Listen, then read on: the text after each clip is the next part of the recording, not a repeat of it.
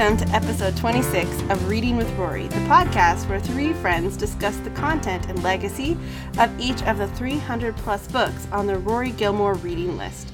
I'm today's host, Liz. I'm Erin. And I'm Sarah. Today we are discussing the Bielski brothers, the true story of three men who defied the Nazis, built a village in the forest, and saved 1,200 Jews by Peter Duffy. It was written in 2003, and I could not find any mention of the book in Gilmore Girls because I actually never heard of the book before. So we'll assume it was somewhere somewhere in the book in the show because it came out in 2003. So I mean the show was running then, so I don't know. Maybe it was in Andrew's bookstore or something. Um, we will just move on to talk deep cut, yeah. move on to talk about food instead. So, um, Friday night dinner segment. What are we eating, Sarah? What do you have? Well, I um, dusted off my never used Instant Pot that I have had sitting on a shelf gathering dust and for a year or more. Not going to say how much more. and, um, a wonderful friend uh, volunteered to kind of give us a crash course in Instant Pot cooking and made this yummy mac and cheese. So I'm having some um, Instant Pot mac. Instant Pot macaroni and cheese, which is quite tasty and very cheesy. It has lots of cheese, which is what more could you ask for from mac and cheese, right? So Uh, It was good. I will vouch for that.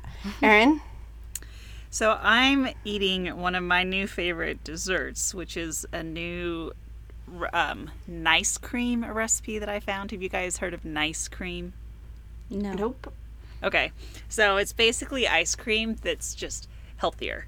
Um, so it doesn't have like all of the sugar and the fat. So it doesn't taste good, or No, it does. It just it tastes a little bit more like sorbet, um, because it, it's not made with like milk a lot of times. Well, it kind of depends. Like you can so one way you can make it is you can freeze a banana and then just blend the frozen banana with fruit, whatever fruit you want, and the creaminess of the banana gives it a creamy consistency, and you can just eat it like that. So you could blend it with chocolate, you could blend it with fruit, whatever you want. So that's one way to make it. Um, this new way, uh, one of my friends posted this recipe on Facebook, and I tried it.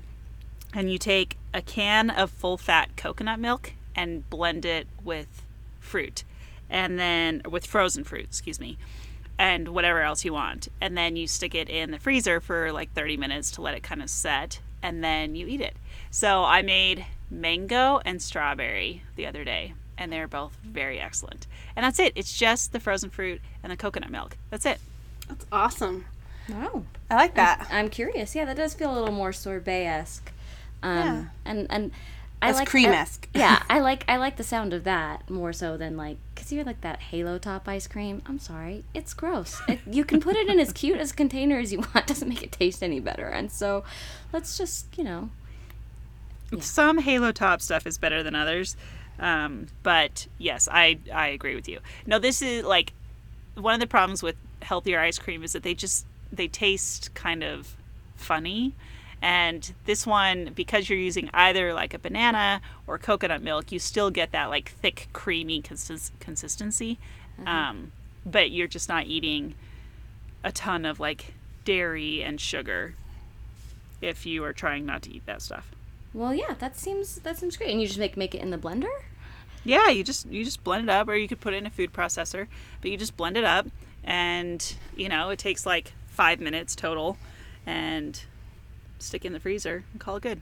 I'm intrigued. I'm gonna have to try this out. I like the idea of like not. I mean, not the banana part because I don't really like bananas, but um, the taking the dairy part out. That sounds like win. Yes. Well, I'll make some. We'll have a podcast. Our next podcast extravaganza thing. I will. Uh, I'll make some. Yes. I love makes it. it sound very exciting. and you Cool. know I know it does. It better is. than the It JoJo's. Yes. Um, I'm eating. Um, I went to the same instant pot fest that Sarah and Sarah went to, and that was really good. We had good instant pot stuff, but we also had a really good chocolate cake dessert, and that was not made in instant pot. It was a Tres Leche uh, chocolate cake, and uh, I thought it was really good. It was just like the perfect consistency of like not being really heavy. I thought it wasn't very heavy, so I liked that. It was tasty and good. Very and good frosting. hmm yes, it was very moist, as one would expect. But Yes. um, it was good. Good times. So sounds like we're all enjoying our good food. That's awesome. Um, so now we'll talk about the book. All right. So the title was long, right? So I'm just gonna refer to it as just the Bielski brothers from from here on out. Does that sound like a fair prospect?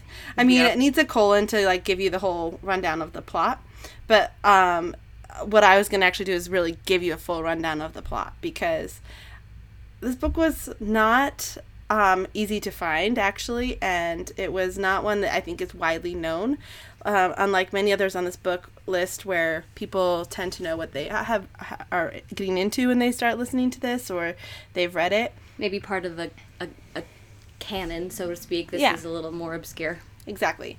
And maybe you know the story, and that's great. That's cool. But for, I would imagine that a lot of listeners are probably not as familiar with this as, um, as maybe they're like me. They just didn't know a lot about it. So I'm going to give you a pretty thorough synopsis. Uh, This is what was on Goodreads. So it's not like it's me just rambling about it, but this is what the Goodreads synopsis is. Here it goes. The inspiring and harrowing true story of three brothers who established a hidden base camp in the Belarusian forest, eluding the Nazis' extensive efforts to capture them. In July 1944, after two and a half years in the woods, more than 1,000 Jewish men, women, and children emerged from the woods triumphant and alive. It is one of the most remarkable dramas of World War II, untold until now. In 1941, three young men, brothers, sons of a miller, witnessed their parents and two other siblings being led away to their eventual murders. It was a grim scene that would, of course, be repeated endlessly throughout the war. What makes this particular story of interest is how the survivors responded. Instead of running or capitulating or giving in to despair, these brothers, Tuvia, Zus, and Asael Bilski, Belsky, did something else entirely. They fought back, waging a guerrilla war of wits and cunning against both the Nazis and the pro Nazi sympathizers. Along the way, they saved an estimated 1,200 Jewish lives. Using their intimate knowledge of the dense forests surrounding the Belarusian towns, the Abilskis evaded the Nazis and established a hidden base camp, then set about convincing other Jews to join their ranks. When the Nazis began to system- systematically eliminating the local Jewish populations, more than 10,000 Jews were killed in the first year of the Nazi occupation alone. The Bielskis intensified their efforts, often sending fighting men into the ghettos to escort Jews to safety. As more and more Jews arrived each day, a robust community began to emerge. A Jerusalem in the woods is what they termed it. They slept in camouflage dugouts built into the ground. Lovers met, were married, and conceived children. The community boasted a synagogue, a bathhouse, a theater, and cobblers so skilled that Russian officers would wait in line to have their boots reshod. But as its notoriety grew, so too did the Nazi efforts to capture the rugged brothers, and on several occasions, they came so near to succeeding that the Bielskis had to abandon their camp and lead their massive entourage to newer, safer locations. And while some argued in favor of smaller, more mobile units fo- focused strictly on waging battle against the Germans, Tuvia Bielski was firm in his commitment to all Jews. This is, a, this is a quote I really liked from the book. I'd rather save one old Jewish woman, he said, than kill ten Nazis. In, 19, in July 1944, after two and a half years in the woods, the Bielskis learned that the Germans, overrun by the Red Army, were retreating back toward Berlin. More than 1,000 Bielski Jews emerged alive on that final triumphant exit from the woods. Um, and then the final part of the synopsis. The Bielski Brothers is a dramatic and heartfelt retelling of a story of the truest heroism, a historic treatment to courage in the face of unspeakable adversity. Um, so let's talk about how we felt about reading it, because I mean the story itself sounds r- like very compelling and very interesting. So let's talk about how how we thought what we thought of the book, how we liked reading about it, got reactions. Erin, go ahead, start us out. So I thought this story was interesting, but I don't know. It, uh, it here's how I feel about it. I feel like if I'm going to assess this story on its own, then I want to give the story a five. Like this is an incredible story, an absolutely incredible story, right? To think that there were these people, these men who like saved all these people and brought them into the forest and just like survived out, you know, lived out the the war. I mean, it's absolutely incredible. It's an incredible, incredible story.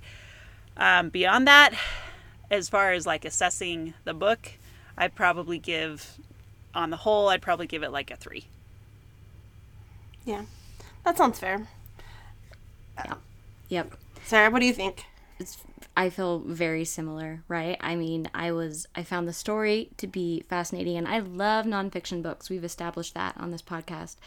Um, that's kind of my comfort zone, literary comfort zone, and uh, so I'm I'm all about you know a good gripping nonfiction, and unfortunately, this just wasn't written very well. Um, it you could tell the author had a lot of passion and um, and he spoke to uh, you know he spoke to all the people he could speak to about it and interviewed like family members of people who and and even actually people who were there who experienced it but it's it does it, it's not a very cohesive narrative. You kind of get lost in a lot of detail that isn't um that that just it, it's it's just too much and it, it, it it's not expressed very well. The writing just isn't great. Um, but it is it is like Erin said an incredible story. So you have to give it points for that because you know when you, when you come across this story it needs to be you know, you know we'll get into this later but you know what really surprised me was that you know this is not a story that is widely known and it's incredible and it's so inspiring and it's just you know lived in the experiences of these of these people and they were never really recognized for it and and all the lives they saved and all this stuff but it hasn't ever really received a serious like academic treatment or like you know been really investigated by like historians or anything like that right? It's just sort of been handed down and and told to someone who was interested in, interested in listening and he put together this book.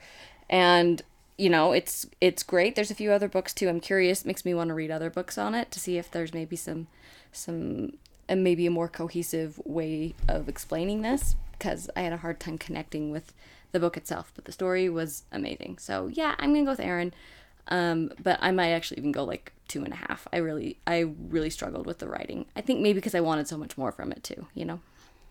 Yeah.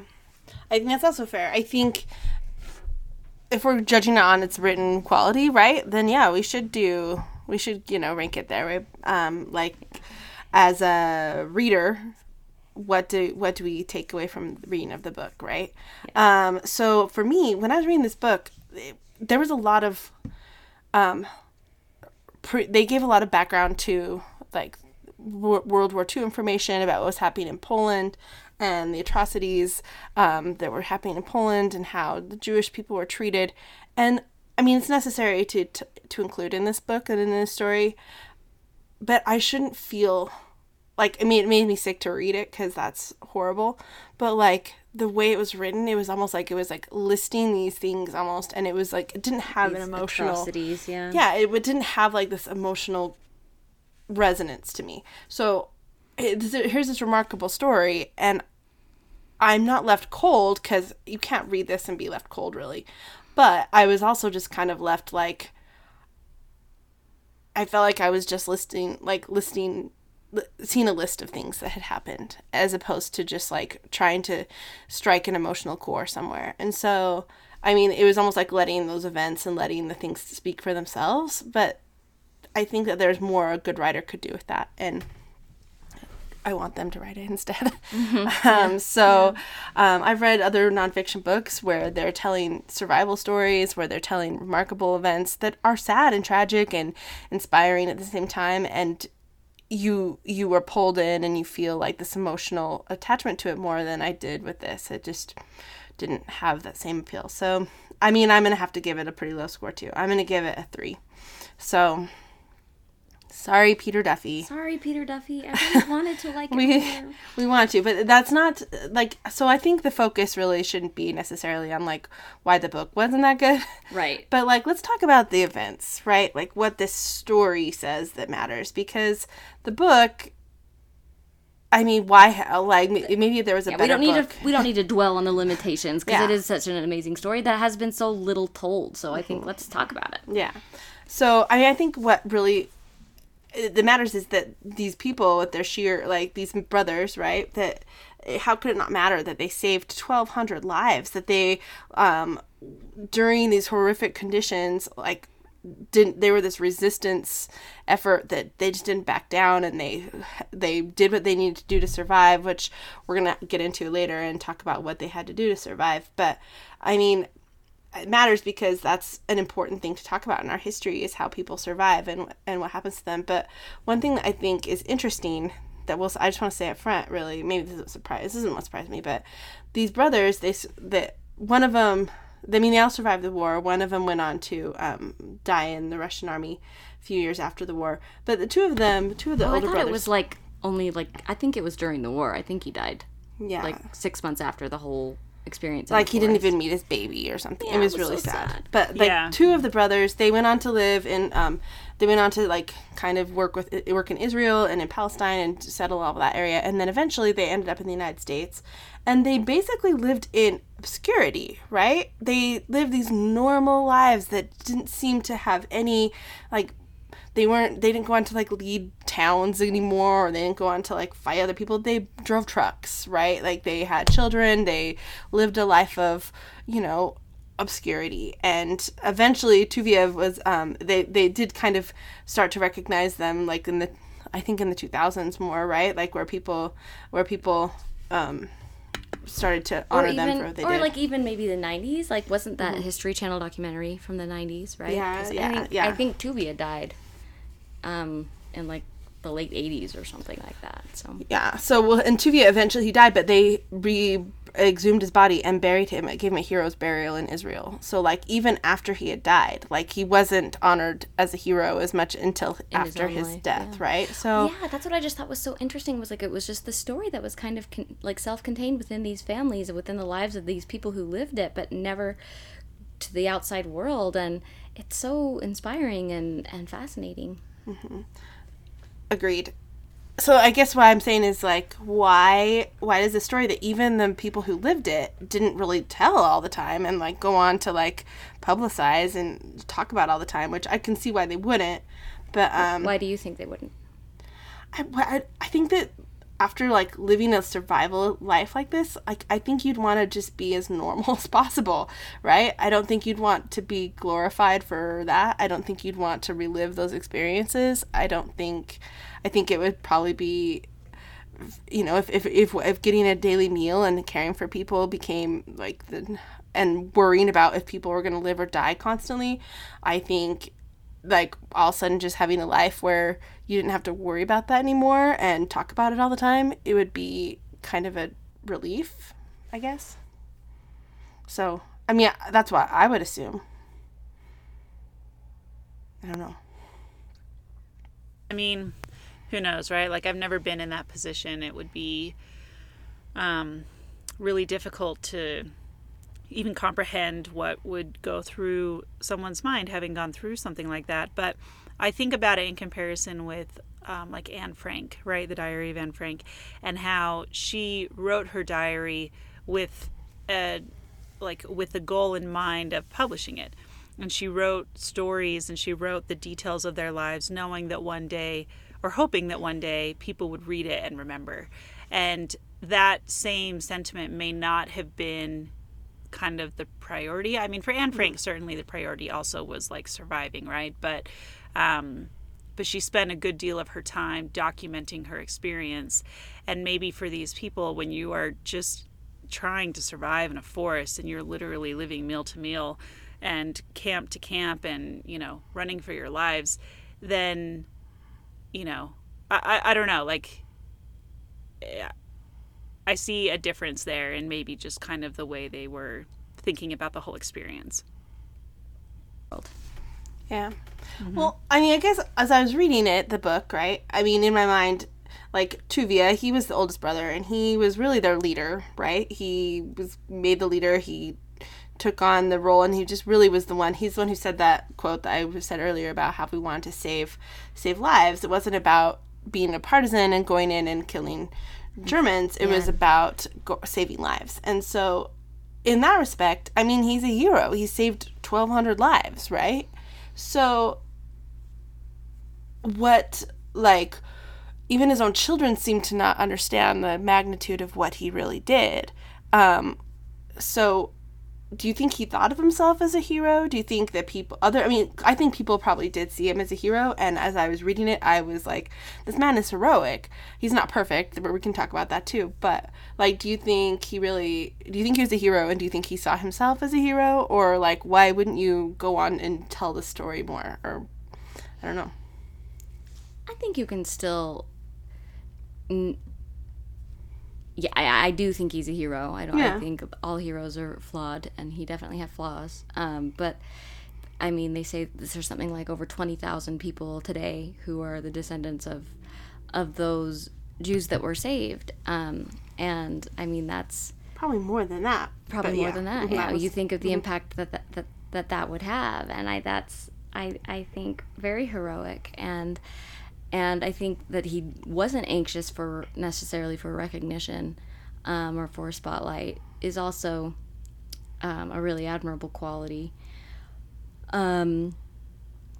So yeah, I think unequivocally, I feel I feel okay saying he was a hero. Um, and I mean, there's there's complicated issues with this, for sure. It's not black and white, but I think that that he, you know, his his motives were were good, and that he wanted to um, fight for his people and protect, you know, protect them, and I think that's commendable. and that is what he did ultimately right like he he was able to do that where several people i mean where many like he was like one of the only ones that we know of that was able to do that really in that and I think and I think that that's an extent. important an important distinction to make was, um, be, because they were able to do this. Does I think there was maybe a debate surrounding this when a movie version of the story came out like a decade ago, you know that somehow there was cast aspersions on those Jews that weren't able to resist in this, you know, way, sometimes violent way, and um, and I, I don't think I don't think the fact that this took place in these and these brothers and because some of them they were they were they were they had guns and they stockpiled weapons and it was it was a violent thing they had to do to stay safe um that that that not not all um, of the Jews during the Holocaust obviously were able to to resist like this and that that's no casts no aspersions on them. This is just you know celebrating almost in like what a miraculous set of circumstances that this was able to happen because you know i i, I don't think those circumstances ex- existed in a lot of other places in europe and and yeah he had a lot of things going for him that Yeah. like the fact that they were in these forests that they knew so well gave him a good place to hide right that they they um Well, and I think that one thing that's interesting about this, and Sarah, you talking about it, just kind of made me think about what we were just discussing in terms of why this story may not have received as much attention. And I think the controversy aspect of it could be a huge part of that, right? Like sometimes when you're in the middle of a war, some of those ethical lines can become a little bit blurred and some things can become pretty gray and because i i think weren't they accused of um or at least some people like accused of either being involved in or being associated with some war crimes that like the russian partisans were involved in Yeah. like they there was there was stuff going on like they weren't peaceful protesters right like this wasn't a like, like, they ha- they hang out in the forest and pray no it was Right, an, right. it was an armed resistance it for was sure. yeah it was an Yeah. armed resistance and they they did a lot of things that were probably you know questionable and in the moment should they have made other decisions you know i mean that's there's no way you can answer that right um, but that could be another reason why people have been a little bit more hesitant because they didn't have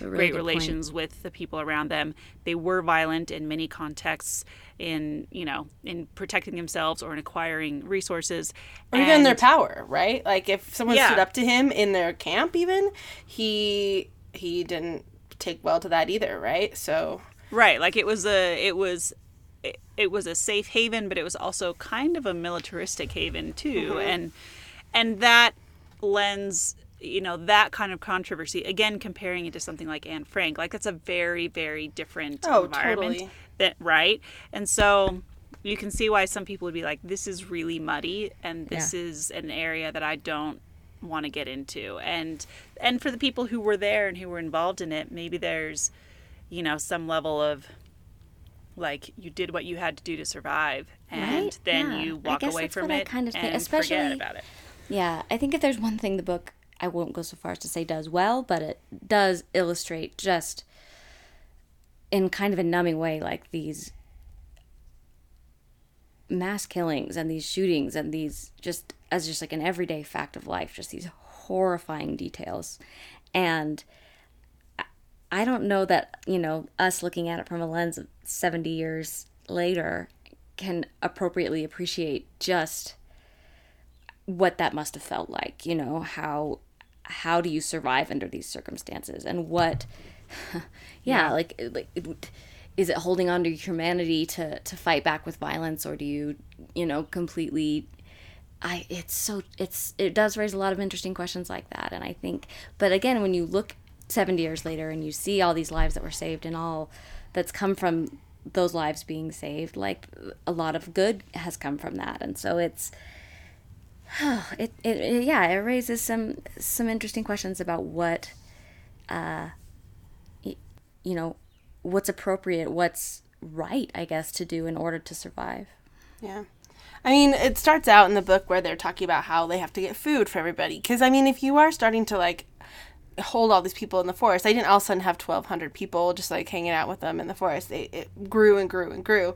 And at first, I think it was just, like, their family and close associations. And then they started to, like, more and more people came. And how do you turn people away, right? But the idea of getting food and feeding and, like, keeping these keeping all these people warm suddenly became and protecting them too from from being caught became so insurmountable right? Like how that responsibility must have weighed on them would be incredible. And yeah th- yeah they definitely go to lengths that makes you wonder like what you have to do. But at the same time in a war situation right? Like you think about all these like um, soldiers in different war situations that go to people's homes and just like stay in their like soldiers who take over a home and like get your food and like that's seems like a war kind of situation. That's sort of what they would do too. Is they would go to nearby the rules, homes. Are, the rules are different in wartime than in peacetime yeah I mean, it's sad. It's hard to imagine, but like they would go to people's homes and you know get food and it's a threat of like gunpoint or you know like that they had to survive. This is what they the the lengths they were going to to do that was.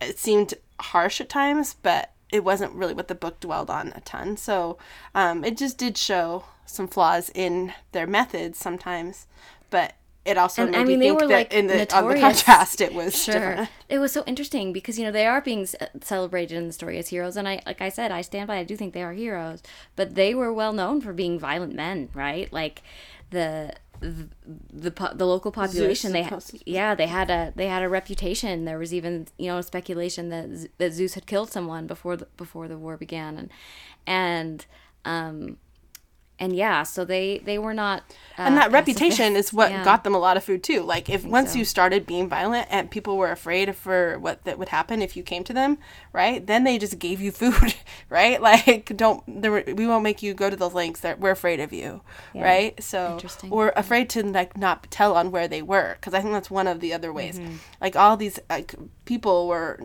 had to know that there were 1200 people in the forest around them, right?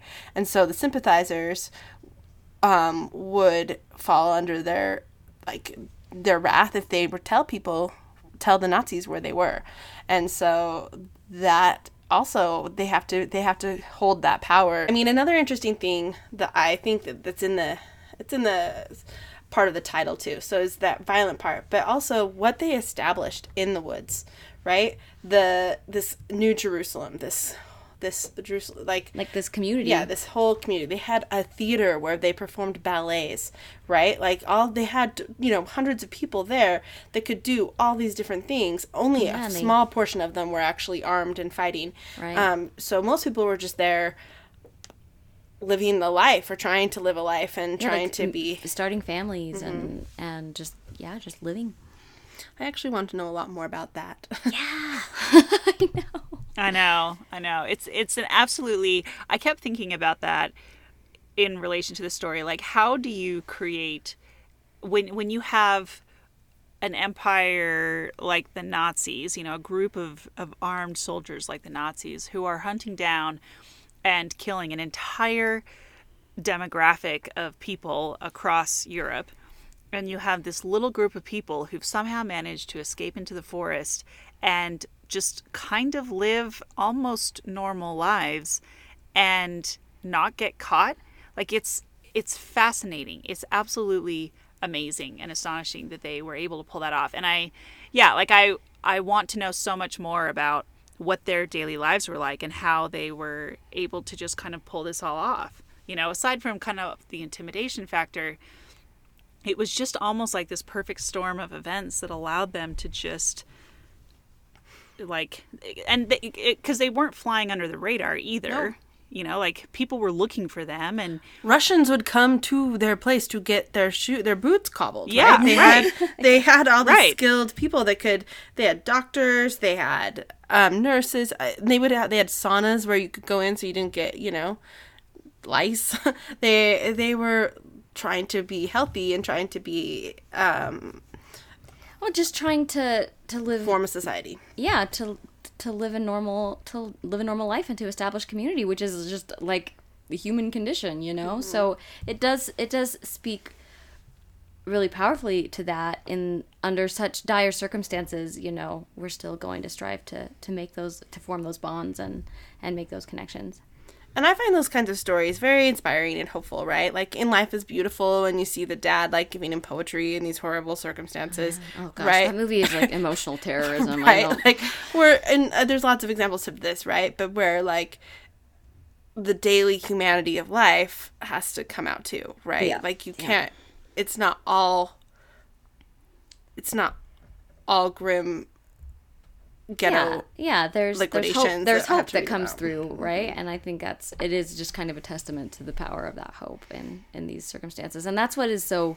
inspiring um you know like as the legacy of stories left by holocaust survivors and and the stories they've told um, like anne frank or like not that she was a survivor but you know what i'm saying like as we hear these stories of the people who experienced it and under the most appalling circumstances imaginable you know the things that still managed to come through Um, Oh yeah, so here's one that I thought was interesting. So in the village, the hardship in the village too is they said, um, romance blossomed in the forest. This is where I got like a taste of what the life would have been like there. Well, first of all, it talked about how um, young soldiers, men of action, were the most valued members in the community.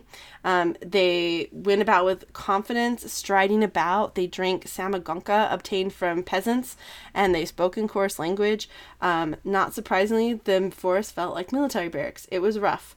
Who was 18 years old said Sulia. It was a difficult. It was difficult to get accustomed to it because it was completely different from a protected home and wonderful parents. So like suddenly they're surrounded by this, and then it said hardships that everyone had lived through, romance blossomed in the forest. Couples stole away to search for a private spot. When the whisperers came back in camp, gossiped about what was going on. Many of the women felt that they had a better chance of survival if they entered a relationship. So that part really kind of like whoa so in order to like it felt like a survival tactic to like join up with one of these coarse young soldiers and they can protect you like that just seemed like I want to know more, right? Like I these are stories I want to know more about. They're not the ones being told. This just kind of referenced offhand. Right? Did anyone else want to know more about that?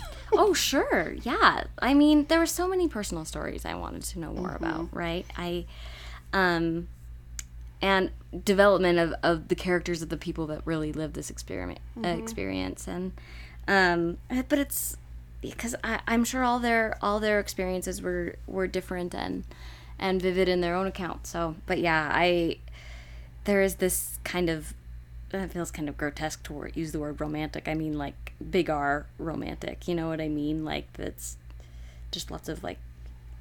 It's just a lot on all fronts, right? Like in this really dramatic setting and um, and you're surrounded by nature and it's you know you're you're fighting for your lives and it's it there's just some feelings that are Yeah. Another thing that I think is interesting is that these people who were there, they basically chose to go there, right? So like they're faced with like, do I want to stay in this ghetto? Do I want to stay here where I'm being hunted? Or am I going to go here and this considering their resistance, right?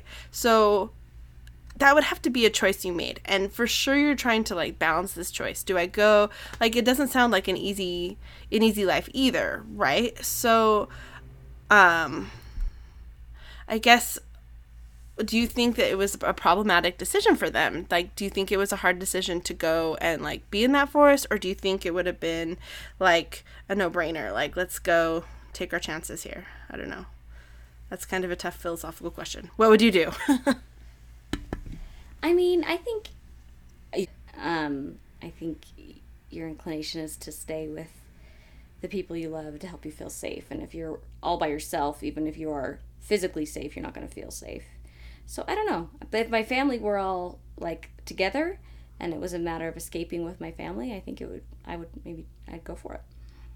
I think that's so hard to to know though because I think for a lot of people who were like living in the ghetto or you know living in places like a, one one of the hard things about the Holocaust right was that people didn't actually know what was happening Yeah. to the Jews until It's happening. Yeah until like way down the road you it, your neighbors just disappeared and you had no idea where they went and so i think it would be really hard when you're almost in kind of a state of confusion like that and you know that things are not good mm-hmm. and things are in a, are really bad but you don't necessarily know what's waiting down the road Yeah. And like if you How long would you be there? Yeah. right like if you knew that if you knew the end from the beginning i think it's a no-brainer that you would leave and you mm-hmm. would get out as fast as you possibly could but if you don't know like what's going on and like sarah said if your whole family is there and what if you have you know elderly parents or grandparents or people who are sick or who can't move or leave and run away like that gosh i don't i don't know i don't know Yeah. what you would do Well, and I think I even um Tuvia's first, I mean not first, his second wife. He had, he was married three times, I think. But his second wife, she didn't actually go into the woods. Um, she stayed in close to Lida, close to a village, and uh, ultimately was killed. She didn't get to the woods, and it's so when his own wife is not really like, yeah, I'm gonna go hide out in the woods with you, right? To me, that shows how fraught that decision must have been, right? Like this doesn't seem like a stable thing to do either. Like a safe thing here, at least I'm not starving yet, right? But I hear, I know it's gonna be bad. Like I know they, I don't know. I would think, I would think it would be hard to know that to, to think that it's gonna get to that point where I should go be in the woods and hide there instead of stay where I'm at, right? To like the optimistic side of me that buries my head in the sand about things would want to just stay there, I think. But yeah, that's hard. Things. Um, what, as you guys read this, or as you learn more about this story, what really stayed with you? What was kind of the thing that surprised you the most? So the thing that, well, the thing that surprised me about the book, like I've already kind of talked about a little bit, it just blew my mind that they were able to make this happen. Like it just really makes me think that, in spite of a lot of the controversy about how they made it happen, that there was clearly someone looking out for them and providing an opportunity for all of these people to go on and live really normal lives after this. And you know for the brothers for Tuvia and Zus to make it to New York and to you know have their families and their families are you know healthy and happy and they've gone on to have their own children like and all of the survivors who were able to do that it just like that's what blows my mind. It, and that's what I have a hard time getting over is that in the middle of Europe, in the middle of Eastern Europe, where there's so much happening, they they were able to create this environment where they were where they were ultimately safe. Like that's really what what Just surprised the whole survival aspect of it. Yeah, all. it's just the survival, just the fact that they were able to pull it off. Yeah. Yeah, I think I think what, and I uh, talked about this a little bit before, right? As far as this story staying um, as obscure as it has for so long, kind of because it is so. It does involve so many hundreds of people, uh, you know, over a thousand people. You'd think um, this would have been a story that was more widely told and we discussed that a lot but i also makes me wonder about what other stories are still untold you know what i mean the millions millions and millions of people whose lives were affected uh, during this time and during this crisis and and and maybe there are more inspiring stories that we still don't know and it makes me um, curious about those Oh yeah. Now I am too. um, uh, is there anything else we want to really talk about with that story or the book before we move on to our pop culture? Um, all right, so one of the things that we like to do with this podcast is show the books um, on this list beyond the bookshelf or classroom or library where they're existing in the world and in pop culture. And since this is such an obscure book, this is actually harder than you think, but there's actually a couple things we can talk about. So, um, the History Channel in 1994, um, that's according to IMDb. According to Wikipedia, it was 2006, but okay. A documentary, it was on the History Channel. I know um, that kind of did a lot of personal interviews. It shows interviews with the wives. It talks to Aron, one of the younger brothers of the Bielskis, and it really, I think, tells this whole story really well. Um, it's on YouTube. You can watch it. What do you guys think of the documentary? We watched it. Uh, I liked the interviews with the people that were there. I mean, that was neat in the sense of like Telling your story. yeah, people telling their story. It wasn't necessarily the most captivatingly made documentary, and there were some chil- cheesy elements where it would be like show the person back then and like a picture frame on, on a tree. In a Liz was like, Yeah, yeah, and Liz was like, on the tree were What? much. Whoa, whoa, whoa. yeah. well, Liz was like, "Are they really? Are, are there really frames on the trees? No. that would be cool if there was. Like, there should be a place that's honoring them. there should be some sort of memorial. I agree. Um, yeah, but uh, so it was. I mean, it was neat to see the people, and like they interviewed like the youngest Bielski brother, Aron, and he kind of told his stories and shared his experiences, and I thought that was neat. Um, so in that respect, yes, it is worth the forty-five minutes um, that it took to watch it on YouTube. And then the next thing was the big but the big Hollywood movie that they made called Defiance, which is based on a book called Defiance, also written about this topic. Um, it was in 2008. Edward Zwick directed it. It has Daniel Craig as Tuvia. Um, Liev Schreiber played um, Asael.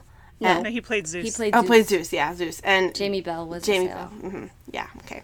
Um, we watched that one, or most of it. We, we fast forwarded some parts because it got a little bit boring and we were tired. Um, But, It I- was a little slow. I felt like it took a lot of liberties from what we understood from that story, even in like the timeline of it. So, but it, what I wanted was like that emotional resonance to the people and to the people in the into the villages, and I feel like that gave it to me more than the documentary. For sure, that scene with like So- Jamie when when Asael and and Chaya, um, at their wedding. Spoiler alert. Um, but that was lovely, and even though that's not how it happened in real life, but it was with Mia Wasikowska, and she was really good. Um, but you know, I think it goes to show that this story is still ripe for a very effective telling. I don't think one exists quite yet. So So write a book, or make a TV series, or think do a Netflix series, maybe. movie. Anyways, um, apparently there was an episode on BBC called "Who Do You Think You Are" of the TV series "Who Do You Think You Are," where Natasha Kaplinsky, um, she's a UK television personality, um, she found out that her great uncle Yitzhak was a member of the Bielski partisans. And he survived the war and emigrated to South Africa. So she found out from this TV show. So Wow. again, that's kind of an interesting element to me that, like, yeah, they're not like telling their whole family all these stories, right? Like, okay, sure, you, like, how you Well, I imagine this. some of this is just so painful, right? I It goes know, back to my thing of like how many of how many amazing stories are just untold because they're Yeah. just so intense or so Well, hard even- to relive. like I'm I'm sitting here thinking about my grandfather who's 93 and he like I would love nothing more than to get him to sit down and talk about his time in the Navy in World War II when he was stationed on Guam and did a, you know there were all sorts of things that happened, but he will not talk about it. Yeah. He just refuses. He will not talk about it, and that was nothing like what these people went through. But he just he won't talk about it. Yeah. I mean, like, yeah, I, I think that's kind of a common, a common thing with that, especially from World War II, right? I don't know why, but um, I guess that's what something we've been exploring pretty heavily. Um, the final thing that is on the b- the po- uh, pop culture part is, I guess, again, BBC did a series of extreme survival, um, and they talked about this event in history is uh, an extreme survival example. So, again, not doing it justice. like, let's really, I, I like Sarah's idea. A Netflix series, Hulu, like, Somebody get Amazon, on this. someone get someone step up there. Yeah. yeah. I mean, I think I think it's good. I think people are ripe for like resistance stories and like people are afraid of like dystopian things associated with this stuff. So let's make it. Let's do it. Um so what so now that we finished the book, um maybe you're inspired to make a movie. I don't know. What are we ins- go, go pitch your idea to Netflix? yeah. What are we inspired maybe you could write a musical, Erin. Yeah, Erin told us she's gonna write a musical. I didn't even That's think right. about it. Yep. The Bill Did I steal it? Shoot. Okay. Bielski Brothers I don't know. musical. I feel like if they made an animated movie about Anastasia, like you could do like anything. Could I'm sorry, anything. if Les Mis is a musical, this could be a musical. like, it, it could be a musical, and it could be a good one. Like Fiddler on the Roof was Yep. very popular. like, We could do it. Um, all right, but for reals though, what did it inspire us to do, Sarah? Well, um, I got about like three pages into the introduction, and I was like, I don't know that much about Belarus, and so it inspired me to go on a lengthy Wikipedia deep dive and learn about the history of Belarus and its people, which I've just and maybe I just recently watched Chernobyl on HBO, which was so good, and everyone should watch it if you haven't watched it. It's amazing. Um, and I mean, it only maybe references Belarus in passing, just because it A character is there. well, something. yeah, right. But like also like it had you know this disaster had uh, potential to have like m- crazy profound effects on on this this place, which almost just kind of feels like a like a buffer state and just kind of stuck in like tug of war between these It was. um, great powers, and you don't hear a lot about you know the people who live there and and how how are they distinct from from other Slavic peoples, and I don't know. I just didn't know much about it, and it inspired me to uh, to learn more. So I did. I did. I like three wit- pages in, you were like deep into Bella. yeah, I was. You were a witness to it. Mm-hmm, so. Mm-hmm, mm-hmm. Erin? Well, the one thing that I kept thinking about with this story is that there are always stories that are untold, right? Like there's so many stories out there that are untold, and it makes me want to be more aware of the stories that go beyond the high um, the high attention grabbing stories, right? Like you know, and and not that it's not that no one has touched this story. There have been like this has shown up in several pr- places, but it's not a very well-known story. And so it's caused me to wonder like how do you how do you do that, right? Like how do you get like we know about Anne Frank because she wrote her diary and it became a huge sensation and it today is is in the canon of classic literature right? Especially when it comes to anything relating to the holocaust. Anne frank is right there on the top of the list. But there's this other story that i would never probably never have known about if i hadn't been reading this list and if i hadn't if this book hadn't mysteriously somehow made it onto this list That's another question. we still don't understand how this got on the list um, But I even think about like compared to like the story of Oscar Schindler and Schindler's List, Yeah. which is a similar like he saved about the same amount of people. You know what I mean? But everybody knew knows that story, and Right. You know, was he was this he was this well-to-do Gentile kind of you know like it was anyway. Yeah, I don't know. So I, I don't know. It just it makes me wonder about all the stories that haven't been told? And how do you uncover those, especially if people are unwilling to share them? And then it makes me think like, what stories from my own life, you know, I've never gone through anything like this, but what stories from my own life could one day be valuable to my posterity? Like what what parts of my life are important to the people around me and the people who will come after me, you know? And so I don't know, it just it's just made me I don't have a good answer for this yet, so maybe this will be something solved in a later episode, but it's made me think about that and and what do you do with all these stories that um that are that don't get all the fanfare and the limelight, but are just as significant and influential, um, particularly to the people who lived them or who were influenced by them. Yeah.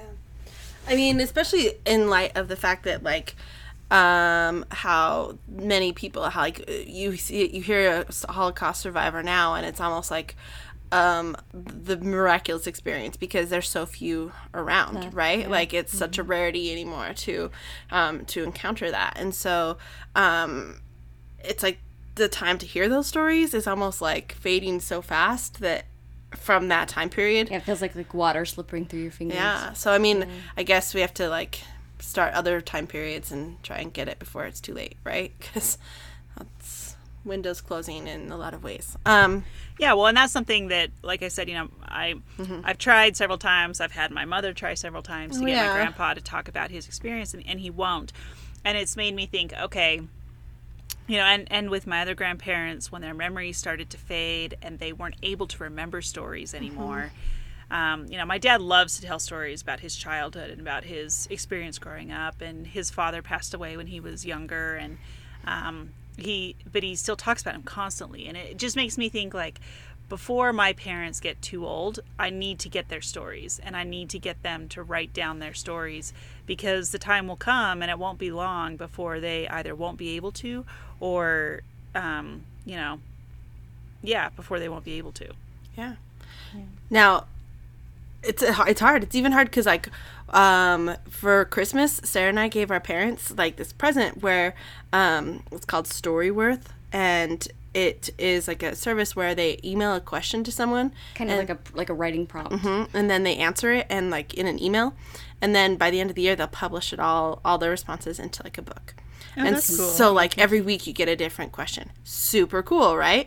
And you can also get the response in the email. So and you can have like multiple people get it. So Wait, what is this called again? Storyworth. Storyworth. Mm-hmm. That's cool. Yeah, it's super cool. I was really excited about it. This is a guilt trip to my parents because yeah, you guys better be listening and feeling extra bad because I get those emails every week. Upcoming questions. They've responded to like one. so like here I am thinking this is going to be a great way to hear the stories of my parents. Not yet. I have not has not come to fruition. So like I feel like I'm like the nagging teacher that's always like giving them subtle guilt trips. So here's another one. I sure wish my parents would tell their stories in that present I gave them for Christmas. we very easy way we gave you to just respond to an email and magically your life story gets told and published in a book. All done for you. You can even put in pictures. Hmm.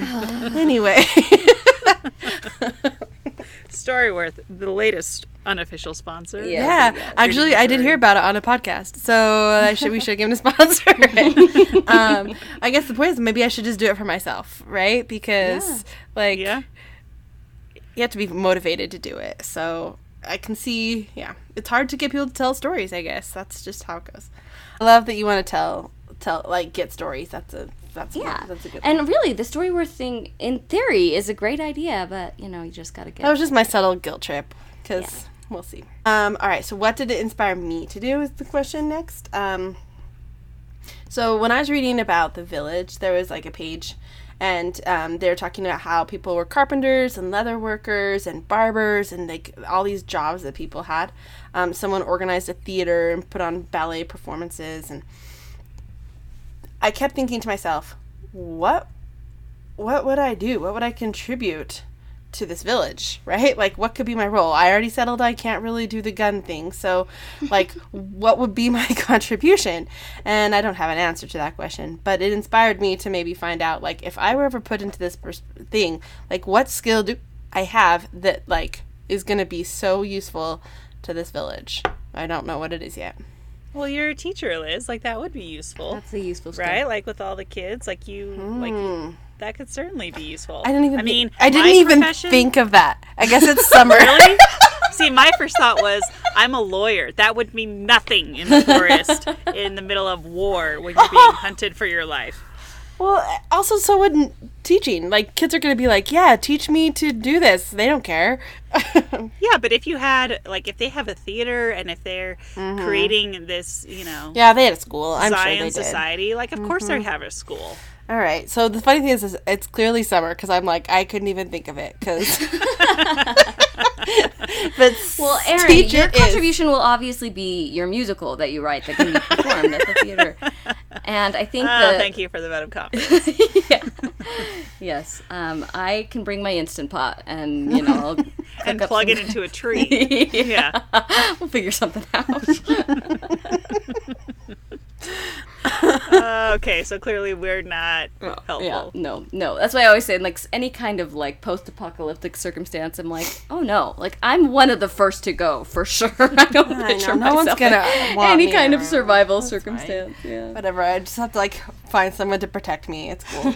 um, all right. So, what did you think of Bels- Bielski Brothers? If you've read it, let us know because I want to know if I'm the only person that just had never heard of this book, let alone this event. Um, do you have any connections to any of these people? I would love to hear that too. So tell us. Come find us on Twitter, Instagram, Facebook, our website. We're there. It's readingwithrory.com.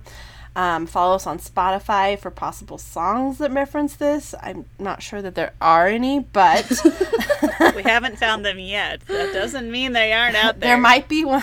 We'll, we'll see. Maybe there might be a fun playlist, but there are for other books. So go look for those. Um, and if you know of a pop culture reference that talks about this, please let us know, or to any of the other books as well. Um, tell us, send us an email, let us know on our website. Let us we can say it in, in our next show. Uh, our next show, our next podcast will be reading "Bitch in Praise of Difficult Women" by Elizabeth Wurtzel. So, bitch colon in praise of difficult women. so I should clarify. Uh, join us as we read along, and we'll catch you next time.